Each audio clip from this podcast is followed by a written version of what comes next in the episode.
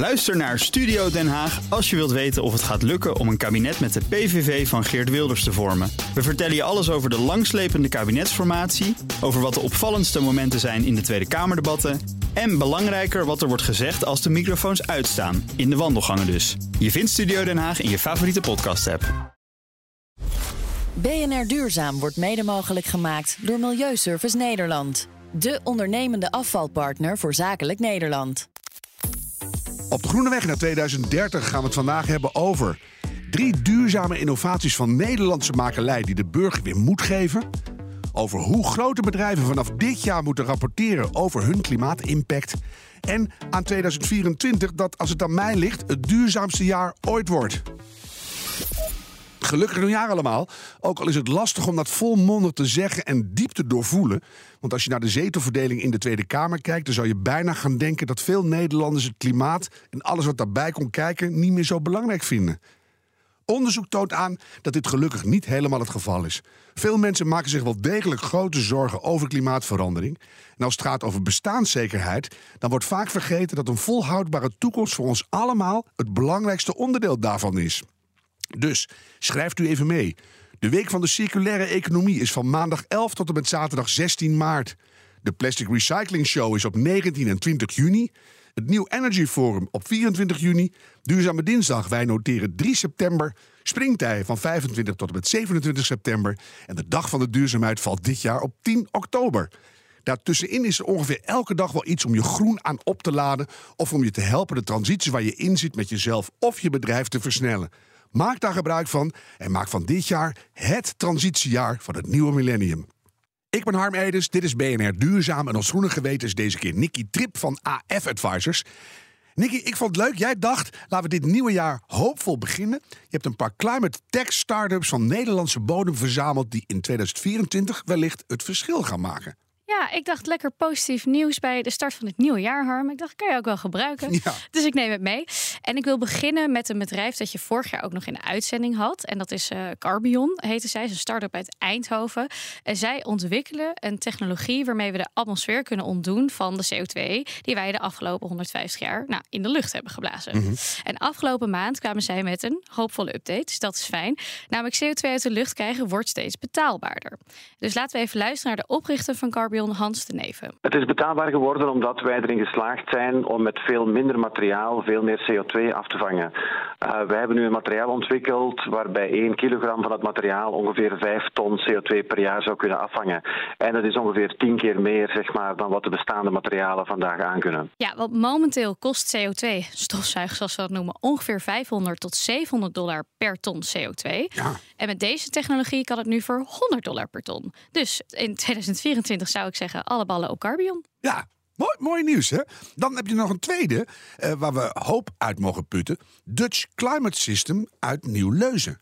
Ja, zeker. Zij hebben een duurzame airco ontwikkeld. En dat is hard nodig, uh, want wereldwijd zijn er inmiddels zo'n 1,7 miljard airco's in omloop. Dat is behoorlijk veel. Oei, Want samen slurpen ze dus ook 10% van de elektriciteit op. En ze maken gebruik van zogeheten F-gassen. En dat is een broeikasgas dat duizend keer sterker is dan CO2. Mm. Nou, dat is natuurlijk bizar. Uh, dus dit bedrijf heeft de Ice Cube ontwikkeld. En dat is een airco zonder F-gassen. Het apparaat gebruikt de verdamping van water om te koelen door middel van een warmtewisselaar, zoals ze dat noemen. Ja. En allemaal dus een stuk duurzamer en 80% zuiniger. Geen uitstoot van broeikasgassen en een apparaat dat kan koelen en ventileren. Ja, en ik volg ze stiekem al jaren. Hoog tijd dat ze nu echt gaan schalen. En ik heb hele goede hoop voor 2024. Eh, tot slot, want je had er drie. Ja. Nog één innovatie die wat jou betreft echt volop in de schijnwerpers mag staan. Ja, dat is Farmless. Uh, wat zij doen is heel bijzonder. Ze produceren voedsel zonder daarvoor landbouwgrond te gebruiken. Hmm. Dat is mooi, want het gaat erbij om eiwitten die bijvoorbeeld gebruikt kunnen worden als ingrediënt voor vlees of zuivelvervangers. En de technologie die ze daarbij toepassen is fermentatie. En dat is eigenlijk ja, technologie. Het is al heel oud. Ja, maar uh, duizenden jaren oud. Ja, zeker. Dus ze mhm. gebruiken daarvoor groene energie, een beetje CO2, een beetje waterstof en stikstof. En daarmee wordt het een soort ja, alcohol gemaakt waarop de bacteriën dan goed kunnen gedijen. Ja. En die zijn dan weer een grondstof voor de eiwitten die het bedrijf maakt. En Farmis is dus al best wel ver. Ze hadden afgelopen maand ook bijna 5 miljoen op voor hè, bij nieuwe financieringsronden. En met dat geld gaan ze zelfs een pilotfabriek bouwen in Amsterdam. Oh, minder landbouwgrond, minder veeteelt, minder watergebruik. Ik ben geloof ik nog nooit een jaar zo vrolijk begonnen. BNR Duurzaam.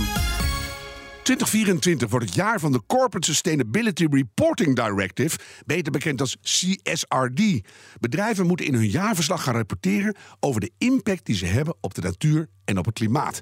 Esther van Doesburg is de Chief Innovation Officer bij SDU en heeft zich helemaal in deze nieuwe richtlijnen ondergedompeld. Klinkt wel mooi, Esther. Ja, Fijn dat je er bent. Stel, ik moet iemand bij de koffiemachine uitleggen wat CSRD is en welke impact dat gaat hebben. Hoe, hoe doe jij dat? Nou, de CSRD is uh, de richtlijn die in aanvulling op de financiële rapportage je voor het eerst ook over niet-financiële informatie moet gaan rapporteren. En dat mm -hmm. gaat over de E van environment, de S van social en de G van governance. Dus de ESG, die komt daar, dat we hebben het vaak over, die komt daar om de, om de bocht kijken. Ja. Zijn die alle drie even belangrijk, die componenten? Ja, en dat is ook juist wel het mooie van deze richtlijn. Dat je voor het eerst ook alle drie bij elkaar laat komen. Want er is best wel veel milieurecht uh, uh, is er al, of op het gebied van sociaal. Maar nu moet voor het eerst in samenhang met elkaar hierover worden gerapporteerd. Ja, en dat gaat dus om de impact die je hebt als bedrijf op milieu en klimaat. Maar als je dan wat specifieker kijkt, wat moet je als bedrijf nou echt gaan doen? Je, je hebt eigenlijk twee kanten. Allereerst moet jij gaan beschrijven wat je gaat doen, wat je doelstellingen zijn. Dus je moet een stukje uh, beleid gaan formuleren aan de ene kant. Mhm. En aan de andere kant moet je ook daadwerkelijk dat onderbouwen door middel van de zogenaamde, ja, sorry voor het jargon, maar de zogenaamde metrics. Dus je moet bewijzen dat je op die E, S en G daadwerkelijk ja, uh, doelstellingen formuleert en laat zien dat je ook hiermee bezig bent. Mm -hmm. En die doelstellingen vallen dan weer samen met de richtlijnen vanuit Europa, neem ik aan. Dat je niet zegt, we zijn zo lekker bezig en dit gaan we doen. Nee, dat is wel degelijk een, een internationaal verband waar je op den duur aan moet gaan voldoen. Ja, dit is juist ook vanuit Europa. Dit is het, het, uh, een Europese richtlijn mm -hmm. en die wordt in alle Europese landen ook geïmplementeerd. En um, naast de CSRD heb je nu ook de CS Triple D. En dat betekent dat je ook op het gebied van due diligence aan de bak moet als bedrijf. Dat betekent dat je daadwerkelijk ook de negatieve gevolgen van milieu of ook op het gebied van mensenrechten moet gaan beschrijven. Sterker nog, je bent er ook eigenlijk al een stukje aansprakelijk voor. Dus ja, ja, ja. dat is een forse stap. Dat, zeker als je die hele keten bekijkt, want daar hebben we het dan over, komen we zo op. Bedrijven moeten ook gaan rapporteren over hoe kwetsbaar zij zelf zijn voor klimaatverandering, heb ik begrepen. Ja, je hebt uh, de basis van de CSRD, dus die reportingrichtlijn, mm. is het begrip dubbele materialiteit. Wat is dat nou? Aan de ene kant welke impact jij hebt op je omgeving, maar ook van buiten naar binnen. Dus bijvoorbeeld staat jouw fabriek in een gebied waar overstromingen kunnen plaatsvinden, dan moet je dat ook al goed inzichtelijk maken, want dat zijn bepaalde risico's die je dan loopt. En dat doe je voor Europa, maar dat doe je ook voor je overzeese vestigingen. -hmm. En dat doe je niet zozeer, want dat heeft niks te maken met wat jouw impact op het klimaat is, maar wel bijvoorbeeld voor toekomstige investeerders die dan kunnen kijken van ga ik in dat, in dat bedrijf mijn geld stoppen? Nou, die staan op zo'n rare plek, letterlijk fysiek, ga ik helemaal niet meer doen. Ja, dat is ook de druk die er natuurlijk aan het ontstaan is. Dus op het moment dat jij bijvoorbeeld een ander bedrijf wil overnemen, dan kijkt een financier, kijkt ook in hoeverre ben jij hier al mee bezig? Heb jij ook al maat, ben jij maatregelen aan het nemen? Ofwel ben jij ook bezig met je duurzame perspectief voor je organisatie. Want het gaat niet alleen over het rapporteren. Het gaat ook over uh, toekomstbestendigheid en het toevoegen van waarde voor je bedrijf. Ja, en uh, dat haakt dan weer aan wat voor soort economie we in de toekomst willen hebben. Nou, noem maar op. Het ja. begint veel te veranderen. Voor de duidelijkheid, dit geldt in eerste instantie alleen voor de echt grote bedrijven nu. Ja, dat, dit geldt voor in eerste instantie voor de beursgenoteerde bedrijven. Maar in 2025 of in het jaar 2026 moeten ook al bedrijven, wat middelgrote bedrijven, gaan rapporteren. Dus vanaf 250 werknemers of meer mm -hmm. moet je gaan rapporteren en allerlei beleid gaan vastleggen. Um, dus, um, en belangrijker nog is dat het niet alleen voor de grotere bedrijven of middelgrote bedrijven is het MKB zal hier ook worden um, uh, op aangesproken, omdat zij de data moeten leveren aan deze grote bedrijven. Dus de Mhm. mm -hmm. leveranciers, de zogenaamde value chain, die bedrijven, daar wordt gevraagd. Um, als jij levert aan bijvoorbeeld een Ahold of, of een ander groot bedrijf, moet jij gegevens gaan, uh, gaan, gaan leveren. En dat gaat best wel een grote impact hebben. Ja. Nicky, jij adviseert vermogensbeheerders. Weet jij of die er al mee bezig zijn? Uh, ja, zeker. Ze zijn hier wel mee bezig, maar voor hen is het niet zo belangrijk wat betreft het rapporteren. Omdat eigenlijk hè, de andere uh, regelgeving, SFDR, uh, die was veel belangrijker voor hun. Want CSRD gaat vooral over de bedrijfsvoering. En die is van financiële instellingen niet zo heel groot. Maar ook in de keten. Je zou bij een vermogensbeheerder kunnen argumenteren dat hun keten ook het vermogensadvies is dat ze geven. Ja, dus het gaat eigenlijk vooral om de indirecte impact van de financiële instellingen. Ze beleggen in dingen en daar zit weer impact in. Maar ze gaan eigenlijk vooral baat hebben bij CSRD, omdat heel veel bedrijven gaan heel veel meer rapporteren. En die data kunnen zij weer gebruiken om dus beter te sturen op duurzaamheid. Dus dat is heel mooi. Esther, wat ik me afvroeg, kan ik als MKB'er uh, nu toch nog een paar jaar rustig achteroverleunen? Je noemde net al, die zit in die value chain. Maar je kan eerst gewoon die, die grote bedrijven de, de kastanjes uit het vuur laten halen, toch? Nee, ik denk als MKB'er moet je hier echt ook mee aan de slag. Want um, ook jij als leverancier, om het zo maar te zeggen, uh, zal inzicht moeten geven aan die grotere bedrijven. En je ziet dat ook, of het, we hadden het net over die investeerders, maar ook de grotere bedrijven zelf.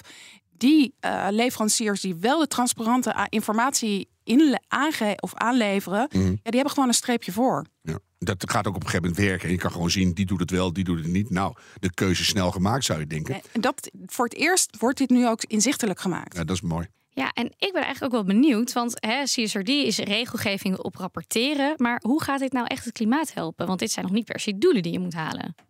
Ja, maar wat het uh, is, is dat nu voor het eerst het inzichtelijk wordt gemaakt. En je, de accountant gaat dit wel volgen. Dus ja, kijk, in eerste instantie, dit zal best wel zijn tijd nog uh, moeten krijgen of zijn beslag moeten krijgen. Mhm. Maar omdat bedrijven verplicht zijn dit toe te voegen aan hun financiële jaarverslag, komt er ook een stukje waardering op dit onderdeel. Dus ik denk zeker dat dit gaat helpen in, het, uh, in de klimaatdoelstellingen. Ja, het kan ook een discrepantie ontstaan tussen datgene wat je uh, zegt te gaan doen en wat je uiteindelijk doet. En dat helpt niet voor je image natuurlijk. Nee, maar dat is nu ook al het geval. Hè? Er is al heel veel sprake van, dat heet dan zogenaamde greenwashing. Mm eh, dat is het, of uh, brown washing, dat is het onderrapporteren. Maar het mooie is, het is nu inzichtelijk. Je moet het onderbouwen, want ook dat is een belangrijk element. Je moet onderbouwen. Dus je kan niet zomaar zeggen van nou, ik heb uh, deze doelstelling, bla bla bla.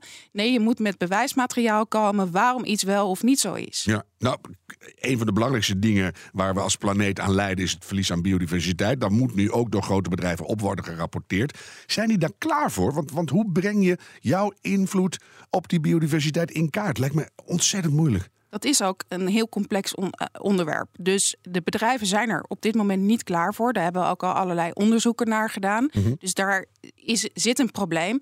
Maar ja, het is geen kwestie meer wanneer ze zullen er toch uh, aan de bak voor moeten. En ja, dat wordt vanzelf wel duidelijk als de accountant uh, vragen gaat stellen over, over het niet van financiële jaarverslag. Maar willen we dan misschien dingen die helemaal niet kunnen? Want ik herinner me veel gesprekken met supermarkten die altijd zeiden: we hebben heel veel producten in de schappen. En tot de landsgrenzen in de keten kunnen we ongeveer zien hoe dat gaat. En het vervoer naar hier en de, de processen die wij ermee uithalen. Maar binnen die landen ver weg, we hebben echt geen idee. Dus hoe, hoe gaan we dat doen? Ja, ze zullen het moeten gaan doen. Dus dat is die CS Triple D, waarbij je dus die due diligence wel degelijk moet gaan organiseren. Mhm. Er zit ook gewoon een boete al aan uh, van 5% van je netto jaaromzet. En aan de andere kant uh, ook een stukje aansprakelijkheid. Dus in eerste instantie zal er best wel coulant worden gekeken, voor alle duidelijkheid. Want je kan dit niet in 1, 2, 3 regelen. Want we, onze, we zijn er nog niet klaar voor. Mm maar uh, je moet je zelf op voorbereiden. En daar zal wel strikt naar gekeken worden. Dat is in ieder geval onze verwachting. Maar om hem dan nog van de andere kant te belichten. Ik kan me voorstellen, die noemde het net zelf al. Dat dit uh, een soort nieuwe vorm van greenwashing in de hand gaat werken. Want die zeggen, ja, we, kunnen het toch niet zien. Dus gaan we maar uh, zo obscuur mogelijk zeggen dat we het goed doen. Dan moeten die accountants daarna gaan kijken. Wie controleert die accountants weer? Want die zet je ook in een onmogelijke hoek. En uiteindelijk zou je kunnen zeggen: uh, wat gebeurt er dan als, als uh, sanctie als bedrijven niet voldoen? Het is nogal een rare piramide die we optuigen. Nou ja, de, de, de vraag is natuurlijk wel hoe de accountants hier naar gaan kijken. Dus wat de, wat de verwachting is dat accountants ook wel weer milieudeskundigen aan gaan trekken om dat stukje kennis eh, te vergaren. Tegelijkertijd is de accountant wel bij uitstek geëquipeerd om echt datachecks te doen. Mhm. En zij zijn juist wel ook in staat om vanuit onafhankelijk perspectief naar een bedrijf te kijken.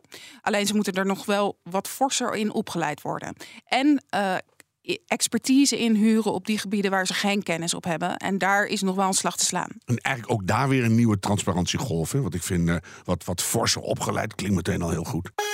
BNR Nieuwsradio. Duurzaam. Harm Edens. Er is voor bedrijven geen ontkomen meer aan. Ze zijn vanaf nu verplicht om te vertellen hoeveel CO2 ze bijvoorbeeld uitstoten en in welke mate ze het milieu belasten. Met Esther van Doesburg van SDU praten we over de gevolgen van die nieuwe richtlijnen. En Nicky Trip is ons groene geweten. Uh, Esther, stel, ik schrik me nou wezenloos omdat ik zit te luisteren en denk: met mijn bedrijf heb ik nog nauwelijks iets geregeld. Waar moet ik beginnen? Begin met het samenstellen van een team in je organisatie. Dus ga dit organiseren. Denk niet dat iemand het er wel even bij kan doen. Want het heeft wel een forse impact. Dus wel zowel op die E uh, van uh, S en de G. Ja. Dus stel dat team samen en ga nadenken over de doelstellingen die je voor je bedrijf wil gaan uh, formuleren. Mm -hmm. Dat is de eerste stap. En wie, wie zou er in dat team moeten zitten? Daar een multidisciplinair team over de grens zijn. Dus zowel vanuit de E als wel bijvoorbeeld je HR-manager, ofwel bijvoorbeeld ook je uh, voor de G de, de bedrijfsjurist.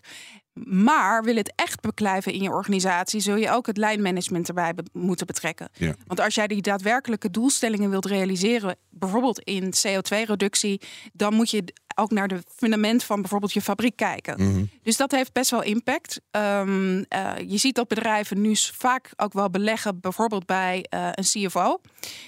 Uiteraard, want die moet de geconsolideerde rapportage regelen. Die overigens verbluffend slecht geïnformeerd zijn, hè, bleek afgelopen jaar. Die, die weten echt niks.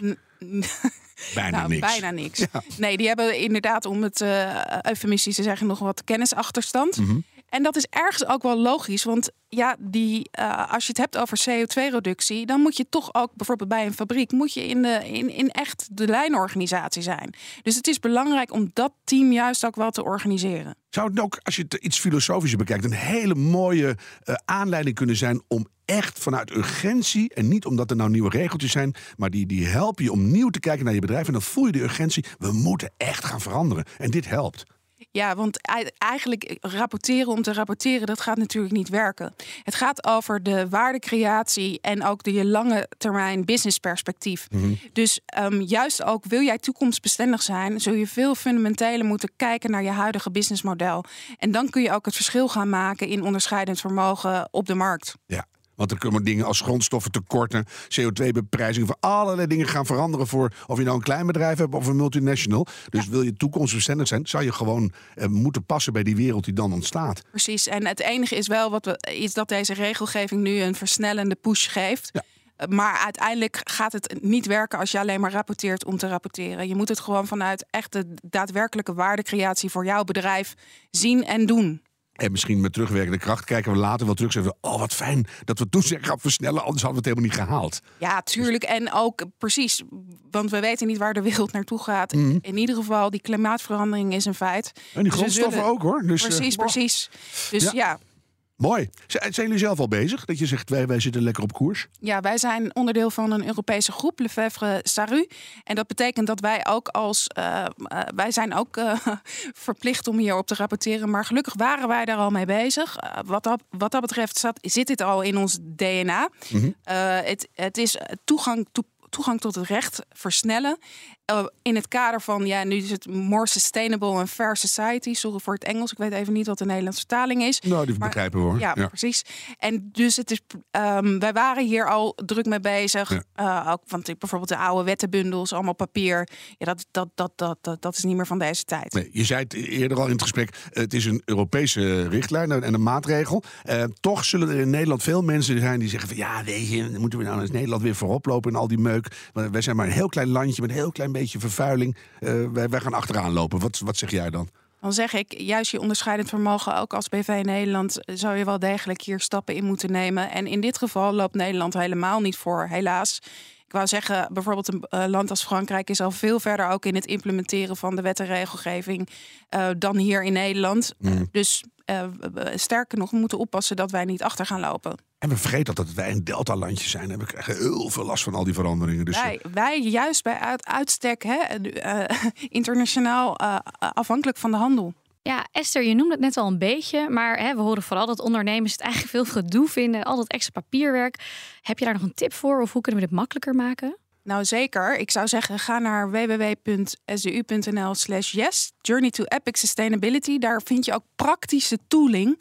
Want als eerste zul je aan de gang moeten gaan met het organiseren van je proces. Mhm. En aan de andere kant moet je daadwerkelijk ook uh, de data gaan verzamelen. En dat is ook waar bedrijven tegenaan lopen. Het verzamelen van de relevante data. Dus ik zou zeggen, ga naar onze praktische tools op yes. Ja. Met een J. Wat een heerlijk concreet antwoord. Nou, even een heel filosofisch uh, slotstukje. Ik kan me voorstellen dat je, als je als bedrijf en als ketens dit soort dingen moet gaan doen, dat er ook hier en daar iets is waarvan je denkt: dit is zo onduidelijk en zo niet goed voelen we nu. We gaan gewoon afscheid nemen van dit product of deze keten. Zou dat kunnen, denk je? Juist, inderdaad. Dus um, kijk, neem eventjes naar, als ik naar onze organisatie kijk. Van oudsher uitgever met allerlei boeken. Nou, dat is niet meer uh, ook toekomstbestendig. Dus als wij, mm, wij zijn ons nu aan het richten op bijvoorbeeld e-books of um, eigenlijk software, uh, om het zo maar te zeggen, mm. van traditionele uitgever naar een softwarebedrijf. Dus dat uh, het oude model is niet meer toekomstbestendig. En daar ik denk dat veel bedrijven, andere bedrijven, andere sectoren moeten daar wezenlijk over nadenken van wat is jouw toekomstbestendigheid voor de lange termijn? En wat voor nieuwe businessmodellen kun je daarop op gaan hanteren? Ja, en welke oude hoeven echt niet meer. Precies. Heerlijk.